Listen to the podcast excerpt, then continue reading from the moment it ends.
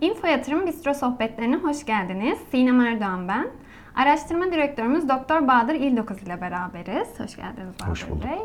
Ee, ABD enflasyon verilerinin etkisini konuşuyor olacağız bugün. Ee, bu hafta açıklanacak olan ABD enflasyon verilerinin Fed için neden bu kadar önemli sizce?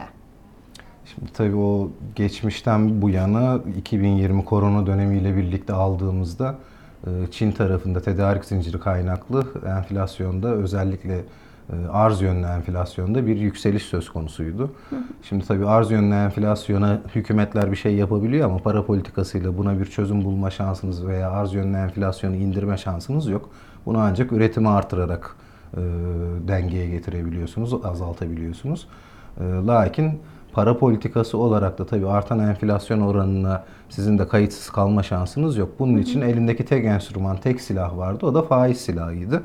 Böylelikle ne oldu? Arz tarafındaki enflasyon her ne kadar yüksek seyretse de talep tarafını baskılayarak yani bir mala duyulan talebi baskılayarak o malın e, daha fazla fiyat artışı yaşamamasını sağlamaya çalıştı.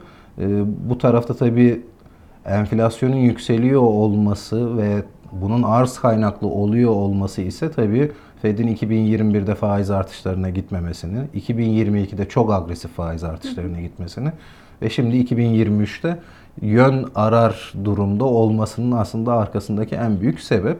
Neden? Temelinde dediğim gibi talep taraflı değil, tam tersine arz yönlüydü. Her ne kadar talep taraflı o kadar faiz artışı yapmış olmalarına rağmen dönüp baktığınızda işsizlik oranlarına, istihdam seviyelerine baktığınızda halen daha ekonominin güçlü olduğunu görüyoruz. Artan faizlerle beraber e, her ne kadar resesyon riski ABD ekonomisinde artmış olsa da görece 2008 ve daha önceki geçmiş krizlere baktığımızda ise çok da yönetilmeyecek derecede olmadığını da açıkçası görmüş olduk son dönemdeki en azından gelişmeler ışığında.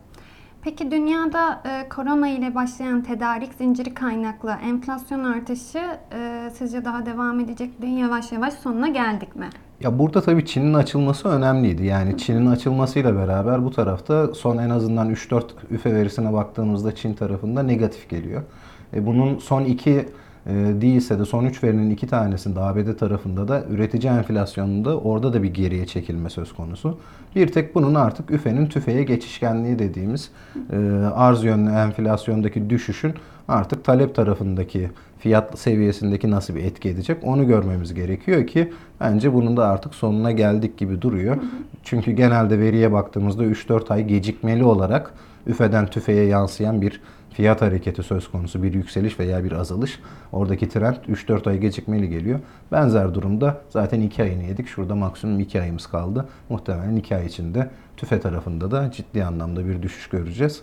Ve bu da Fed'in elini rahatlatmış olacak. Bahadır Bey'e yorumlarından dolayı çok teşekkür ediyoruz. Bugünkü sohbetimizi burada noktalandırıyoruz.